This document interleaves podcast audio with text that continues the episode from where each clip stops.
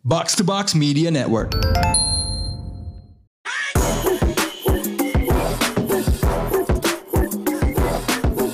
What up, what up? You're now listening the most double basketball podcast in Indonesia. Box out seperti biasa dipandu gua Raditya Alif. Dan yang kembali setelah sekian lama sampai-sampai kita rekaman online karena dia tidak bisa keluar dari uh, mansionnya di Depok. It's T to fail. Assalamualaikum. Waalaikumsalam, brother. How you been doing? I've been good, alhamdulillah. Uh, cuma cukup sibuk uh, menjadi bapak. Uh, selalu harus standby di pagi, siang, malam. Jadi agak susah keluar, agak susah mencari waktu uh, di luar waktu keluarga. Tapi getting better, mudah-mudahan um, dalam beberapa bulan ke depan getting looser. Jadi bisa melakukan aktivitas hal-hal lain lagi. But it's been pretty fun, pretty exciting. Gimana rasanya uh, sekarang lo punya bos ada dua, satu di kantor, satu di rumah yang yang jelas stressful tahun. sih. Yang jelas stressful buat gue sih. Gue kayaknya turun, I don't know, 5 to 6 kilos. If you see me in person, Really? I'm I'm super skinny right now. Yeah. Oh. Slim fail, slim fail. Um, well, you know, uh, ngomong-ngomong soal pekerjaan lo yang uh, 9 to 5 ya. Yep. Um, lo kan setahu gue kerja tuh di bidang catat mencatat, di bidang audit mengaudit ya. Jadi gue pertanyaannya sebenarnya gue pengen nanya perspektif lo sebagai orang yang biasa nyatet dan ngecek keuangan gitu ya. Pemain NBA yang menurut lo pembukuannya seperti eh, DJP itu siapa ya? yang yang kemungkinan anaknya tuh eh, punya Rubicon dan duitnya diem-diem lebih banyak daripada Adam Silver ya. Kalau kalau lo disuruh memilih tuh menurut lo siapa men? Oke, yang yang mungkin di luar grup apa? Di luar keseharian jadi pemain basket punya grup motor gede gitu-gitu ya. Iya. Ya, men. Siapa ya? Um, I don't know, Patrick Beverly mungkin. Kenapa Ben? Kenapa ya? you know, you just see this type of guy yang uh, I don't know ha- have uh, some off court activities yang uh, cukup menarik mungkin di luar main basket. Ya, apa aja tuh? Bikin podcast kan sekarang dia, dia punya podcast sama Barstool loh. Oh really? Serius? Iya, so iya. Barstool. Pat, Pat Bev Show. Barstool. Iya, jadi dia tuh kayaknya Barstool tuh ngeliat formulanya JJ Redick kan Hmm. sama Matt Barnes and Stack. Terus ya udahlah, gue cari ini yang paling bacot gitu kan. Yang siapa nih yang lebih gar? Nah, yang yang gue selalu ketawa kalau gue ngeliat adalah kan gini, you don't do a pod with Pat Bev and disagree with him. Nggak mungkin. Pasti habis satu episode nggak bakal lanjut berantem tuh pasti. So dia dipasangin dengan host kulit putih yang selalu iya iya aja dan gue tahu pasti sebenarnya dia tidak iya iya aja. gue tuh selalu tuntutannya rasa gitu. tuh kemungkinannya nih ya pod- eh, podcast main basket tuh ya di- dia sama podcastnya siapa ya? There's one more I'm trying to think. Kalau Tommy Alter sama JJ Redick sih menurut gue bisa ada ketidaksetujuan santai gitu. Hmm. Um, oh ini podcast KD tuh menurut gue si hostnya walaupun bagus ya, yang Latino tuh Eddie Eddie Eddie Eddie Eddie, Eddie, Eddie. Gonzalez Eddie Gonzalez itu kan juga dia ah, turun-turun aja gitu. So, so, kalau menurut lo nih Vel ya, tadi lo udah memberikan sebuah tuduhan kalau tuh Pat Bev. Aktivitas apa tuh yang yang menurut lo dia lakukan ya? Kalau podcast kan kayaknya tuh duitnya nggak ada money laundering gitu ya. Hmm. Ah, I don't know man. Uh, mungkin I'm not trying to uh, uh, uh, enggak, enggak, jangan jangan ke arah situ. Ya nggak tahu sih. Mau ngomong apa? Eh, apa ya? Mungkin dia punya uh, uh, se- se- sebuah gym di mana dia ngajakin apa ng- ngajarin anak-anak sekitar berantem. I don't know. Fight Club, Fight Club, Fight Club, Fight Club, mungkin, Fight Club. mungkin. Atau mungkin dia eh, anaknya harus diajarin supaya nggak ngehantam anak orang gitu. So I don't know man. Lo tau gak sih? gue tuh pernah dulu banget ya. Like, don't don't take this the wrong way tentang gue ya. Hmm. Ini bukan sebuah pastime yang gue lakukan gitu. Hmm. Iseng gitu ya di di YouTube. I searched babies fighting. Oke, oke. toddler banget itu gue lihat gitu kan terus muncullah em, berita-berita dari TV lokal di Amerika jadi kayak gue gak tahu was it Mississippi atau di mana gitu ya ada kayak eh eh, 12 year old eh, bully turns the eh, jadi jadi intinya kayak ada anak yang sedikit lebih tua di sebuah daycare dibanding yang lain dia bikin jadi fight club nanti lo jadi kan anak lain disambung sabung balita men Can imagine apa awal-awal balitanya itu masuk kayak oke rule number one we do not talk about this gitu. Terus anak-anaknya coba oke oke oke gitu doang aja nggak bisa ngomong. lu lu lu nonton ya Fight Club itu kan kayak film semua incel ya Iya. semua incel kan suka dua film kan Fight Club sama sama Joker kan Iya.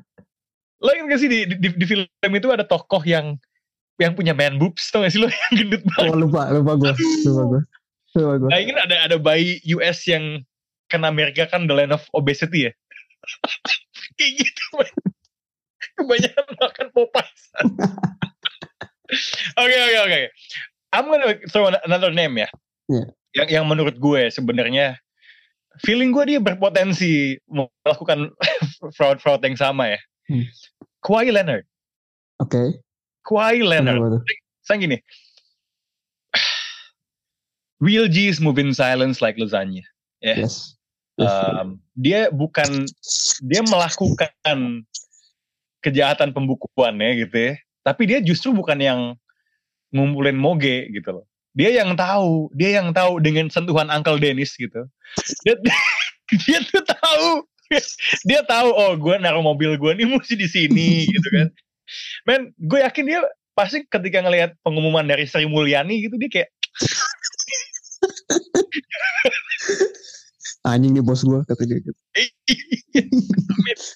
kayak load management coba there's Iya, no iya, udah pasti lah udah pasti ada hal-hal yang yang yang disimpan lah know dia, what? Bener sih, load management tuh fundamentally PNS banget man. Iya gak sih? Kayak you show up to work, like you Yeah. have a contract to show up work Yes. every day, but Huh. you you know take a half day off, take a full day off, you know, then you do not obviously do not live up to your full contract. yes And you take every opportunity to rest up. That's just purely what defines PNS. for I don't know, sure, mungkin for sure. PNS PNS Kementerian Keuangan mungkin lebih rajin, lebih apa nggak tahu gue cuma stereotipikal ASN kan sih. hey Kawhi Leonard is the model PNS man PNS kecamatan. wah PNS kecamatan. top tier top tier man kayak ya soalnya gini gue tuh tanpa menyebut nama ya di dalam eh, di dalam circle pertorian ya. Hmm. ada sebuah eh, temannya teman ya jadi acquaintance ya mungkin semi semi teman lah gitu ya. Julukannya tuh bapak Pemda. Oke. so dia kerja di balai kota kalau nggak salah. Jam 3 tuh udah selalu balik. Jam 3 tuh udah keluar. Jadi Bapak Pemda. Hah? Loh That's kok ada lo lagi lo lagi? Iya cause his job is done That's, that's, that's the dream ya. Jam 3 udah selesai. Masih pakai seragam. Jam lu ketemu dia jam 4. Ah, gitu. gue gak pernah lihat dia pakai seragam gitu.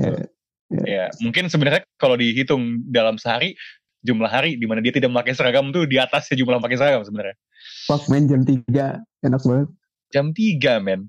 Gue satu-satunya orang yang gue kenal jam segitu udah kelar tuh eh, om gue ketika dia masih jadi kayak eh, dia kerja di bank sebuah bank eh, BUMN, Hmm. ya, ya bank maksudnya bank pemerintah yang di luar negeri. Oke. Wah enak banget men. The, the assets you get, the uh, gajinya double ya dalam mata uang Yep. sini sana dan pulang jam 3 dikasih mobil gitu kayak kayaknya orang itu harus sadar ya hal-hal yang berhubungan dengan pencatatan keuangan kecuali elu ya kecuali elu ya pajak eh, apa ya eh, PNS bank tuh it's the life. You know orang di kita tuh sesat. Harusnya tuh video-video hip hop ya. Video-video hip hop itu tuh isinya tuh bukan pimp atau apa. Banger bro PNS.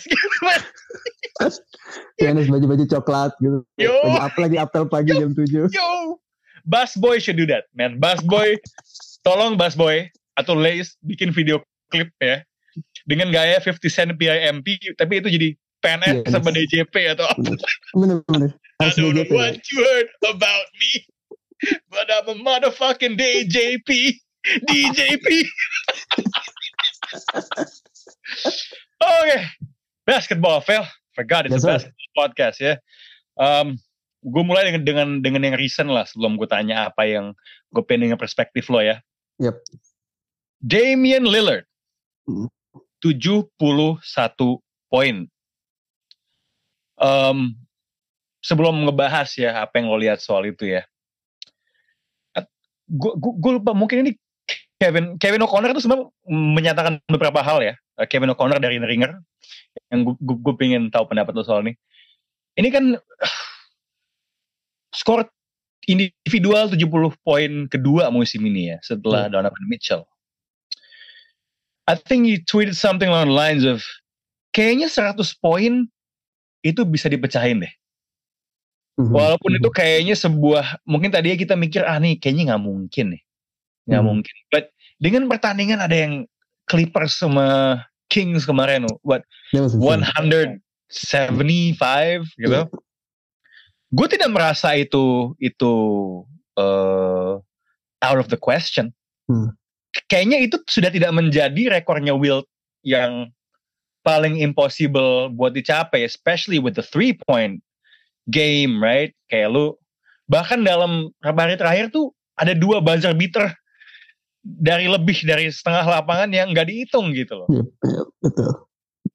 Um, menurut lo itu bakal dipecahin atau enggak 100 poin itu ya dan yang kedua if you had to put money on someone doing it who would it be Um, gue akan bilang it will not be broken. Will kenapa tuh Will, rekornya Will. Karena menurut gue simply um, kalau based on rules yang sekarang ya, uh, you have to make like a lot of three pointers uh, in a game untuk just to be uh, content from that scoring record gitu. Kalau kalau kita lihat recordnya Dame, recordnya uh, Donovan Mitchell dan uh, highest scoring output lainnya, it involves a lot of threes dan the most threes that uh, in a single game tuh kalau nggak salah Clay Thompson di uh, 14, 13, 14, 14, sorry. 14 kali. game yang 13 ya 14 kali.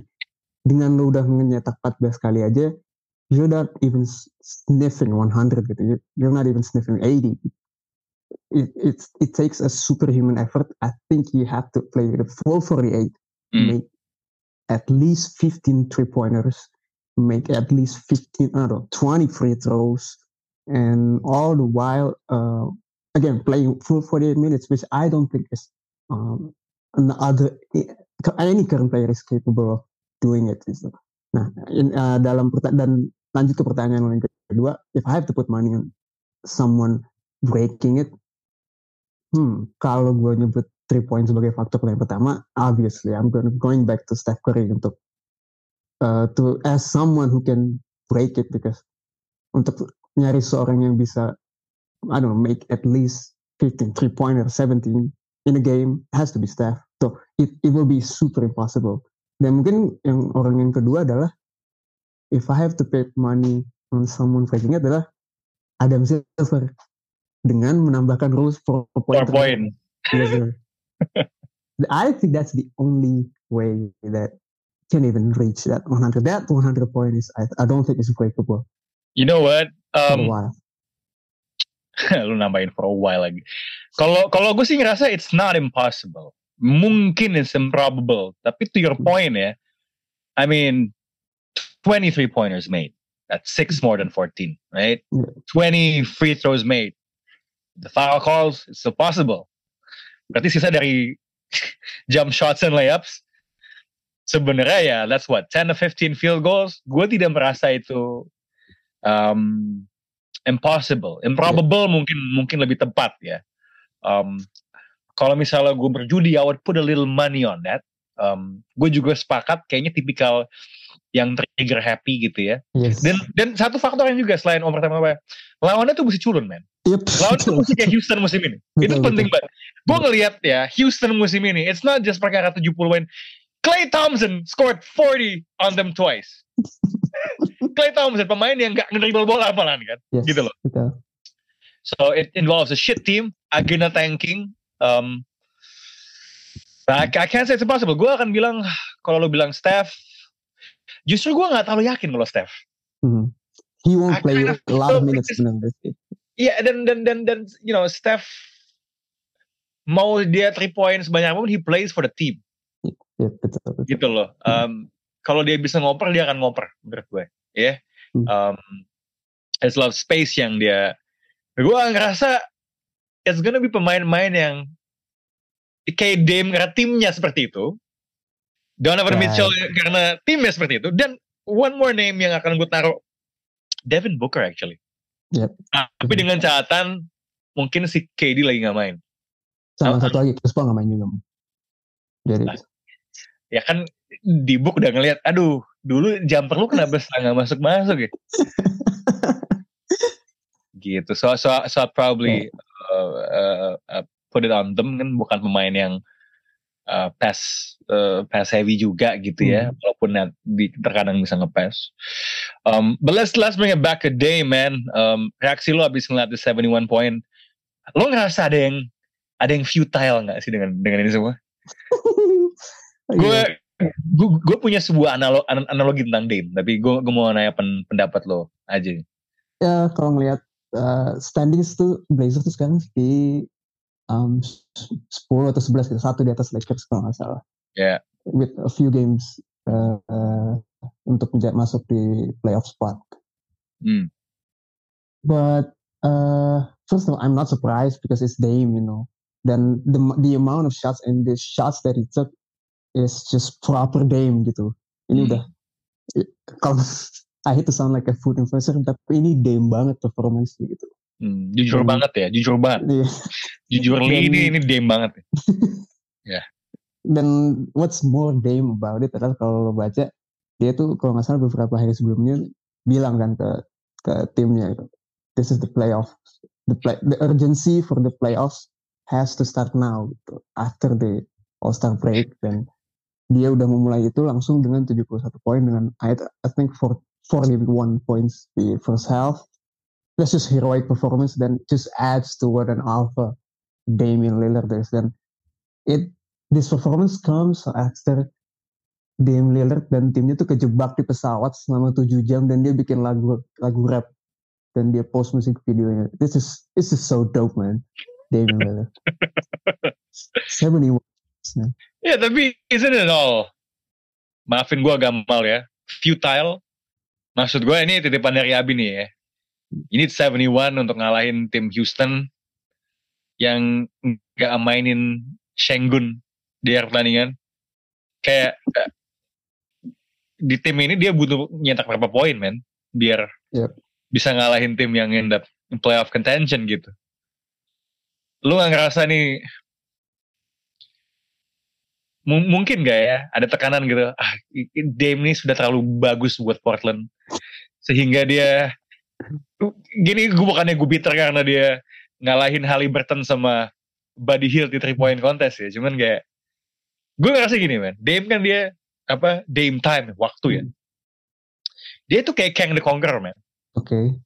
right? You can control time gitu kan, like he's so powerful ya. Tapi ya itu dia kejebak di quantum realm. Portland itu quantum realm sebenarnya. Ini segera karena dia hanya menjadi raja, ya, di universe yang mikroskopik itu, man. Yep, yep.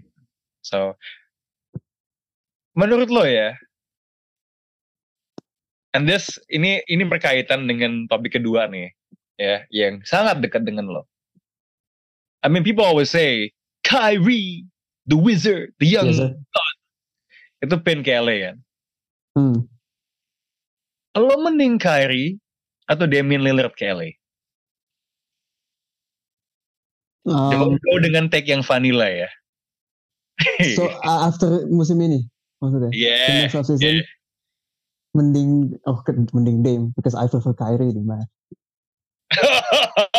Oke nggak, mengesampingkan bias lo deh. Let's Uh. just bukan fans Nets. Oke. Yeah. Uh, oh, I would love to see Kyrie with LeBron, man. balik kayak dulu. balik kayak dulu lagi. Yes. Because now ya, uh, after Kyrie joins the Mavs, gue tuh lagi punya new this newfound appreciation of Kyrie Irving's game man because I, I mean we've watched Kyrie Irving from, through all his career and, and how he can handle the ball, how he can shot makes and all, all of that. But once in, he's in your team, he's like, holy shit, this is one of the best basketball player of all time gitu. Okay, he, he's very entertaining but. He's so fun to watch. His movement is just it's just so unique. If the finish around him is so unique. If only he can get his head straight, then it, that is a big if. Uh-huh. He's one of the most unique players I've ever seen, man. Dia sama Chris Paul bagusan siapa menurut lo? Chris Paul itu satu Chris Paul jelas. Paul bagus in terms of bagus Paul gitu. But he just brings something different than all of these other point guards gitu. This Apa tuh? guy. Apa tuh bedanya? Kalau bisa menyanjung dia setinggi itu? He's just sangat apa ya? The metriknya adalah sangat men- sangat menyenangkan untuk ditonton gitu loh. Oh, menghibur gitu. Sangat menghibur Estetik, fans. estetik.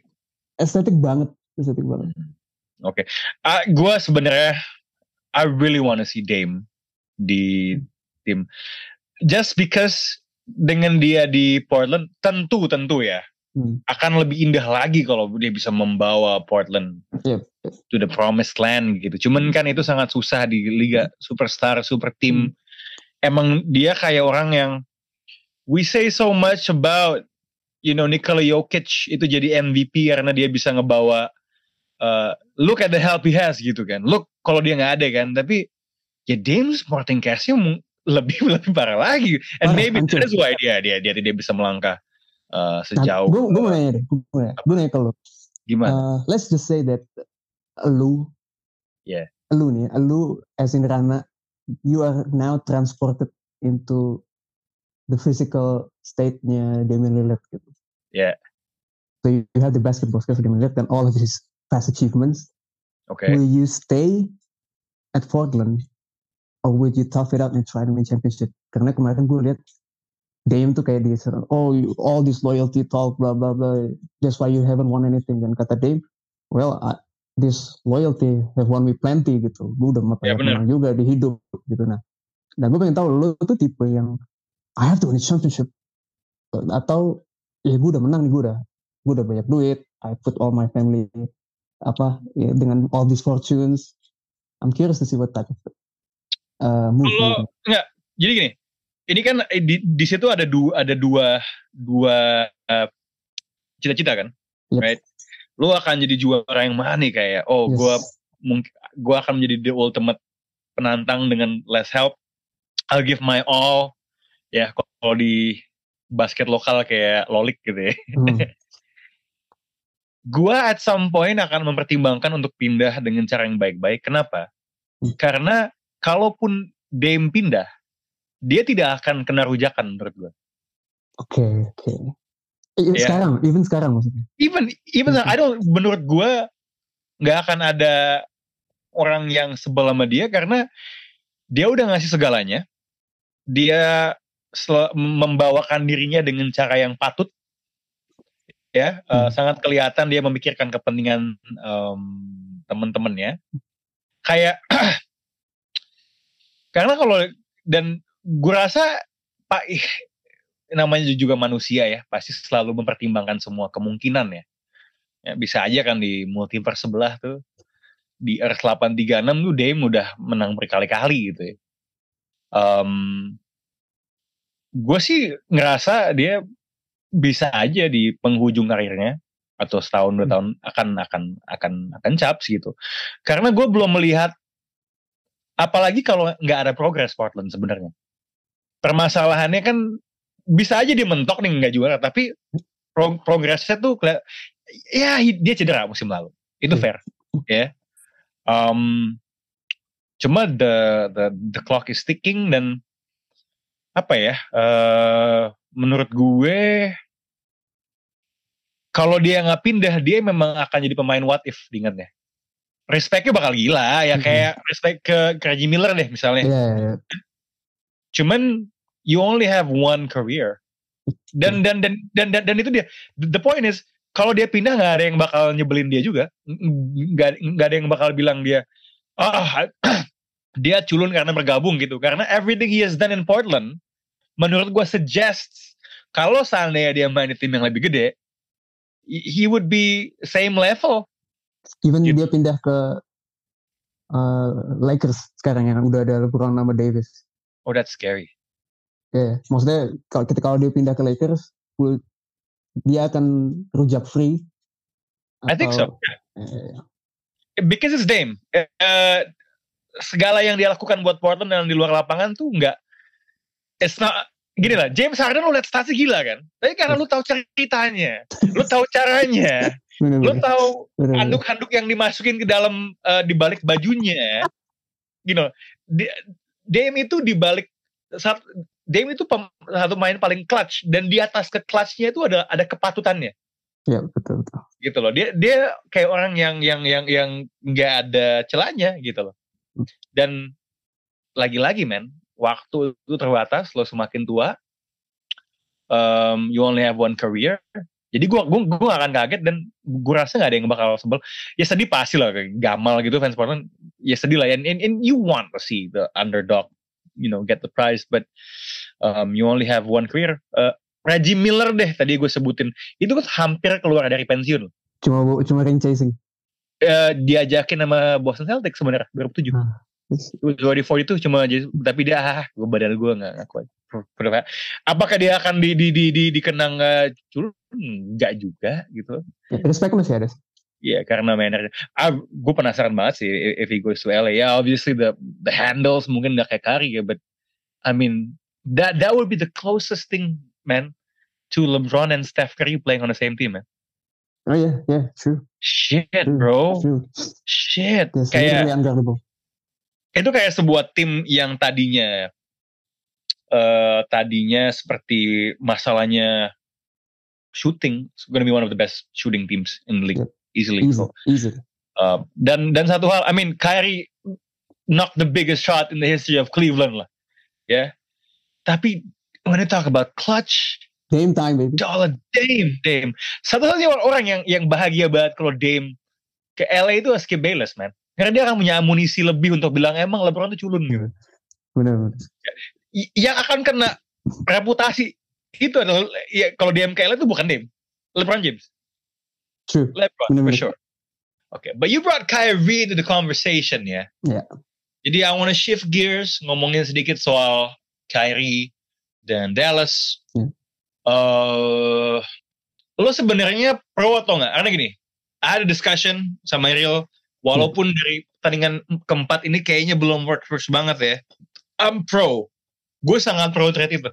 Hmm. If Kyrie is available, you take it. Satu. Dua, gue tidak merasa tim Dallas tuh akan ke mana-mana if they don't do anything. Ya. Yeah. Sekarang ya, it could go bust. But I think going bust pun is a better situation daripada lu stakan. Yep. Uh, and I still believe, menurut gue harusnya this can work. Offensively, it can work gitu. Menurut lo gimana? Uh, ah, gue juga pro dengan trade Kyrie karena menurut gue uh, ikhtiar Dallas tuh udah kelihatan gitu. Dalam arti Kyrie ini kan kita tahu lah historikalnya kayak gimana. Uh, dia pindah-pindah tim dan setiap dia pindah tuh nggak pernah baik-baik. Nah tapi Dallas tuh udah punya uh, sebuah beberapa orang yang hopefully cukup respected oleh Kyrie dan bisa membuat dia lebih nyaman di tim dan tidak melakukan hal aneh hal-hal aneh tersebut yaitu orang tersebut adalah GM-nya yaitu Nico Harrison, Nico, former Nike, sama Jason Kidd, head coach-nya. Uh, I think that should count for something menurut gue. Uh, di kalau di press conference-nya Kyrie has said all the right things, has say has has have phrased his relationship with Jason Kidd, with Nico Harrison as one of his reasons untuk pindah ke Dallas dan dalam segi on court fit juga menurut gue he should be a seamless fit next to Luka Doncic. Luka juga menurut gue tipe pemain yang uh, tidak prima dona bolanya harus di gua terus. Even dia yeah. welcome welcome ah. Dia uh, adanya bantuan dari pihak lain. Dia dia memang bukan prima dona, dia prima Doncic. That's nah, that's, that's a dex joke. That's a dex joke. Kayak gitu. sus- sus- sus- sus. har- harusnya ini ada cuaks. Ada Cuak. gitu. Cuak. Don't cuak. Kata Doncic itu, kata Doncic itu prima Doncic Cuaks. cuaks. Oke, oke, Pepet.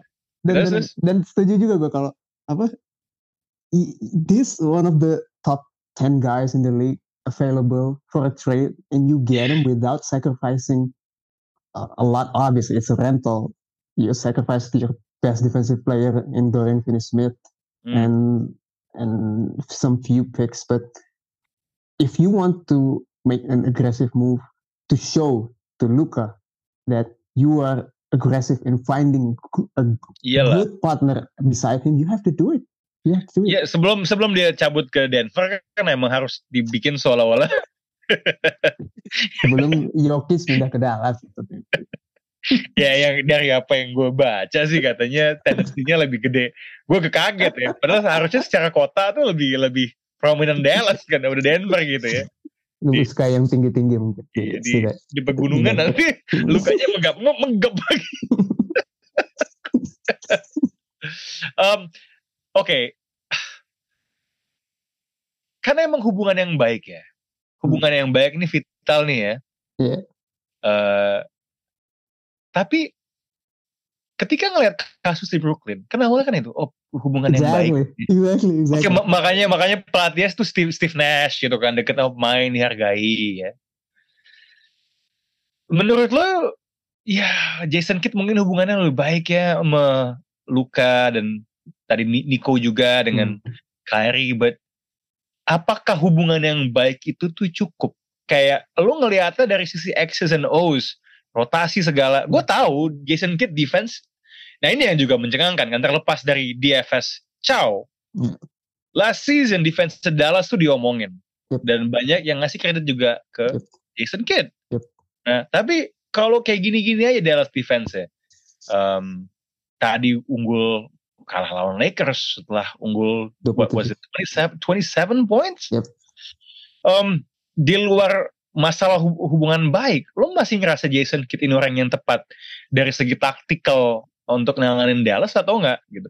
Jujur gue musim lalu, oh shit, dia bisa mengalahkan sebuah tim dengan Monty Eh, Williams gitu Eh, kan. eh. Lo ngerti gimana? Uh, it's tough man musim ini.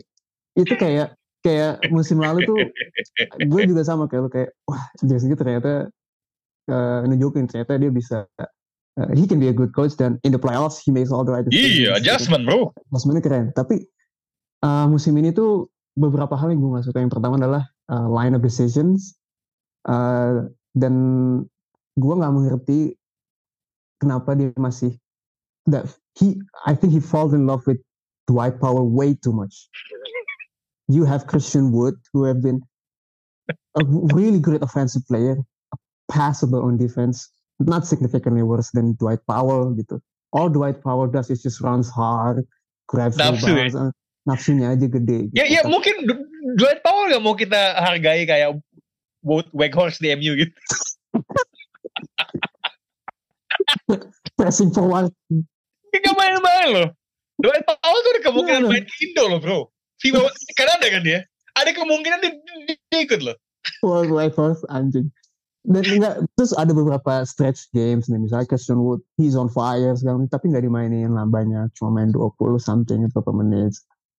There's a lot of line of business, and dan yang gue lagi kesel sekarang adalah his end of game situation itu lagi jelek-jeleknya, man. When Mavs need a bucket at the end of games, he cannot design just bare minimum of a normal play itu nggak ada. ATO gitu-gitu gak bisa. Yes, especially ATO, especially end of games gitu loh. Kayak Hmm. you have two of the best touch shooters gitu, Kyrie and Luka. Dan based on this small sample size, end of game situation itu jelek banget gitu loh. Even kayak game yang tadi juga lawan Lakers. Gue gue gue gue tuh eh Iya, kayaknya tanda bintangnya kan Jason Kidd deh kalau kayak gini ya sebenarnya ya. Gue gue jadi tiba-tiba kepikiran ya. Eh, eh, gimana pendapat lo ya? ya? Lo kan termasuk yang paling woke lah ya kalau di box out. Kita podcast yang lumayan sok sok ke arah sana nih. Dan dan dan lo tuh cukup cukup yang paling munjung gitu ya. Eh Joe Mazzulla kan diajak jadi diangkat jadi tetap bosen ya. Hmm. lo tahu lo tahu gue ke mana kan dengan dengan percakapan ini kan. Iya iya. Jadi lo udah punya Kyrie. Terus pelatihnya Ime Udoka gimana men? Enggak ya. Nah, nah, nah. Ah. Kayaknya mending, mending asistennya aja Dallas aja dulu pelatihnya. John Sweeney. I think that he should be the good. Oke The, oke. that's a safe safe answer. Tapi yang gue males ya, yang gue males lah. Gak gue gue tuh kocak aja kalau kalau tim lo semakin problematik tuh lucu soalnya. Berarti emang bener Mark Cuban tuh pengusaha kan? Mark Cuban pengusaha, pengusaha, men, pengusaha itu. Ya, another thing ya, yang Ya. gue gak suka dari Kyrie trade ini adalah karena kita selalu memfokuskan sama off the field stuff yang Kyrie does gitu. Kayak setiap game tuh lu jadi looking out for small interactionsnya Kyrie gitu. Kayak Hmm. after time out dia ngetos-tos temennya apa enggak nih. Terus Hmm. kalau misalnya uh, Luka turnover Kyrie mukanya bete apa enggak nih kayak you Yeah. look for those small things gitu dan dan it's pretty training for a fan untuk mm, apa untuk melihat small clues apakah dia bakal stay ke depannya dan di setiap press conference you look for those small uh, bits where he can project all of the things it's, it's super tiring tapi as a fan you keep invested in it then that's what I don't like from this trade Hmm. Iya iya apa? Ya karena lo udah punya udah ada presidennya aja kan, lo tahu. yeah, Tapi yeah, tapi I mean I mean I mean don't kalau dia mukanya bete, don't look too much into it. Orang dia pernah bilang gue mau bertahan di Boston dengan senyuman terus dia cabut. Jadi sebenarnya apa yang lo kira artinya A tuh bisa aja. B, termasuk yang kesel gitu kan. Siapa tahu malah oh aku senang nih, gitu kan. Ya nggak tahu juga. So anyway, um, ya gue sih masih pengen karena gue sudah mengambil take seperti itu ya, gue tidak akan mengambil opsi vanilla dengan ah, Phoenix atau apa gitu ya. Um, harusnya sih menurut gue offensively this this can work. Gue selalu ngerasa ke defense nih harusnya gini deh, ya DFS tuh jago banget. Maksudnya ya ketika lawan tim kayak apa Clippers gitu ya, yang jagain Kawhi kan for most minutes kan DFS gitu-gitu ya. Yep, yep. Cuma I think it says a lot gitu. Dia tuh paling banyak diomongin selama karirnya menurut gua ya. Sebagai orang yang nggak ngikutin Dallas dari dari jarak dekat ya. Ya di trade ini sebenarnya betul gitu loh. Betul Jadi kayak oh iya nilainya naik karena dia di di di, di ditukar ke arah sebaliknya gitu Hmm. loh. I mean, yeah he's good but apakah kita mem- like do we talk about him in the same breath as Mikael Bridges deh malah Yes, no, no. gitu. Jadi kayak ya oke, good. Misalnya Tapi- ironisnya dua-duanya ada di Brooklyn ya. Exactly. Yang di yang dibantai tadi kan. Tapi kelihatan sih, begitu DFS nggak ada di Dallas, kayak menyedihkan perimeter defender yang memang lo kayak ngelihat tadi LeBron post up yang jaga Reggie Bullock gitu, yang ngejaga, yang ngejaga Josh Green gitu, Justin Holiday lu kayak sedih man. Anjir, LeBron Enggak post upnya juga gampang banget, layupnya gampang banget. Anthony Nah, Davis yang jaga Dwight Powell, Tunggu tunggu tunggu Maxi Kleber kembali lah. Masih Cleaver satu, kalau diganti, kalau dia istirahat siapa JaVale McGee mau turun lagi, JaVale McGee ini tinggal Ya tapi jelas. tapi tapi itu apesnya Dallasnya sih. I mean you thought dengan ada JaVale tuh Yep. setidaknya apa ya ya, paint rim protection lo tuh lebih gede Gue gitu. actually pro JaVale McGee signing sebenarnya. Pas Iya. time lu signing, gue sangat Iya. mendukung. Emang gitu lah, Javel tuh emang agak Jekyll Hyde aja gitu loh. Kadang-kadang wow. Jadi Sempat oh dia di, di, dibilang bego atau bagus, Hmm. sang udah stoknya naik nih malah. Hmm. Oke, I gotta shift tuh. Uh, Atlanta terakhir. Yep. Baru ganti pelatih. yes, Uh, lo ngelihat tim ini gimana? Uh, gue sih ngerasa Quinn Snyder is a good choice. Kalau yeah, jadi really good uh. Uh, kalau anda setuju tolong anda elaborasikan kenapa anda anda setuju. Gue sih lum- lumayan punya pandangan soal ini. But I wanna hear from you first, man. Uh, Quinn Snyder menurut gue can bring uh, his signature motion offense yang kita lihat sangat sukses ketika dia menjadi head coach Utah. di Hmm. mana dia mendalangi offense dan he timnya Utah tuh juga consistently both in top 10 on defense on offense rating semasa dia di sana. So he Hmm. brings a lot of stability yang menurut gua Hawks tuh butuh sejak uh, Hawks itu sejak masuk Eastern Conference Finals musim depannya sampai sekarang tuh nggak nggak nggak nggak pernah punya konsistensi dipegang Nate McMillan dan apalagi Nate McMillan as you can attest juga kan kayak he's very old school in offensive principles gitu dan nggak punya offensive creativity dan Quinn Snyder datang itu dengan salah satu powernya dia gitu. His his offense can make can be really fluid dan menurut gue juga style leadership dan stability accountability yang dia bawa Quinn Snyder bawa ke Hawks juga dibutuhkan buat tim yang secara leader nggak jelas nih leadernya siapa gitu. Orang mungkin bilang Trey yang gitu coba all the attributes of a leader itu belum ada gitu di Trey yang sepanjang yang kita lihat aside from his uh, play on the basketball court gitu. Karena kita lihat dia tuh kan sering clash sama banyak sering clash mulu sama head coach gitu. Sama Nathan McMillan clash sama sama Lloyd Pierce clash. Who Hmm. knows mungkin he's the problem. Tapi uh, mudah-mudahan Quinn Snyder bawa datang dengan membawa kestabilan itu. Ya, I mean, eh, ya offense sih. Gue gue gue dari dulu sih ngerasa ya Nate McMillan tuh rekornya bagus sebenarnya sebagai sebuah head coach. I think is above 500. Tapi in modern NBA, is tricky.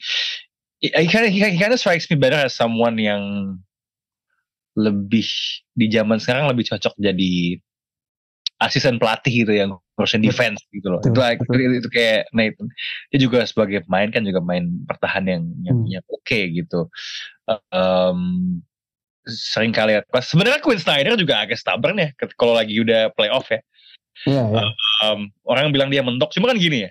Atlanta ini kan tim yang 6-7 tahun yang lalu kan West Spurs East ya. Terus ternyata dia mentok, dia mentok oh ternyata dia jagonya cuma sampai di regular season playoff mentok ya. Permasalahan sekarang tuh malah drop levelnya di bawah itu. Yep, Gitu. yep. Jadi menurut gue harus diganti dengan pelatih yang walaupun mentok ya, setidaknya dia eh, mentoknya di level yang lebih yang yang nggak semit Atlanta lah gitu. Em, satu hal yang penting banget adalah gimana dia bisa meyakinkan Trae Young untuk mau lebih bermain off the ball sih. Maksudnya ya pasti akan ball heavy, he creates, he can shoot. Cuman kalau misalnya bisa Young bisa jadi off, opsi off ball juga, it just opens up so many things gitu. Hmm. Gue pengen lihat apakah dynamic di Atlanta ada arah bisa seperti apa yang orang bilang tentang Rudy Gobert dan Donovan Mitchell. Accusations bolanya nggak dioper gitu. Cuman gue belum, walaupun dibilang Trey "Ah, itu bukan leader, gue nggak ngelihat ada pemain lain yang modelnya ngambekan kayak Rudy Gobert gitu loh. I see. betul betul Iya kan? Iya. Kayaknya yang lain tuh walaupun kayak kayaknya mungkin dan bisa aja lebih patuh ke Treyang deh gitu. Uh, so it's gonna be fascinating to see. Menurut gue it's a, it's a good hire um, dan mungkin pelatih dari yang semua nama yang available di market um, dia nama yang paling bagus ya. I mean ya Kenny Atkinson sang apa sih wakil pelatih ya di State ya. Um, cuman gue rasa ya Quinn sih fit yang dan Quinn juga pernah ada pengalaman jadi asisten pelatih di Di Hawks, kan ya. Hawks betul betul Hawks juga kan Hmm. gitu. Jadi ya lumayan lah untuk membawa Atlanta nyangkut satu level lebih tinggi and then shit's gonna happen and then maybe Trey Young's gonna be traded to I don't know tim? Semua market lainnya uh, in a deal involving a lot of draft picks. So we'll see. Anyway um, ya kita lihat aja apakah Hawks bisa terbang lebih tinggi di sisa musim ini. Itu aja kali Vel ya. Uh, Ya. udah. Kita rekaman tadi jam setengah sepuluh udah mau jam setengah sebelas sekarang. Ya. so, nice to have you on the show back. Yeah good to be back man. Gitu. And remember remember guys buat yang dengerin ya. Apa pun situasinya apa pun kondisinya always pesan dari itu Vel always try to make your boss proud. Cuaks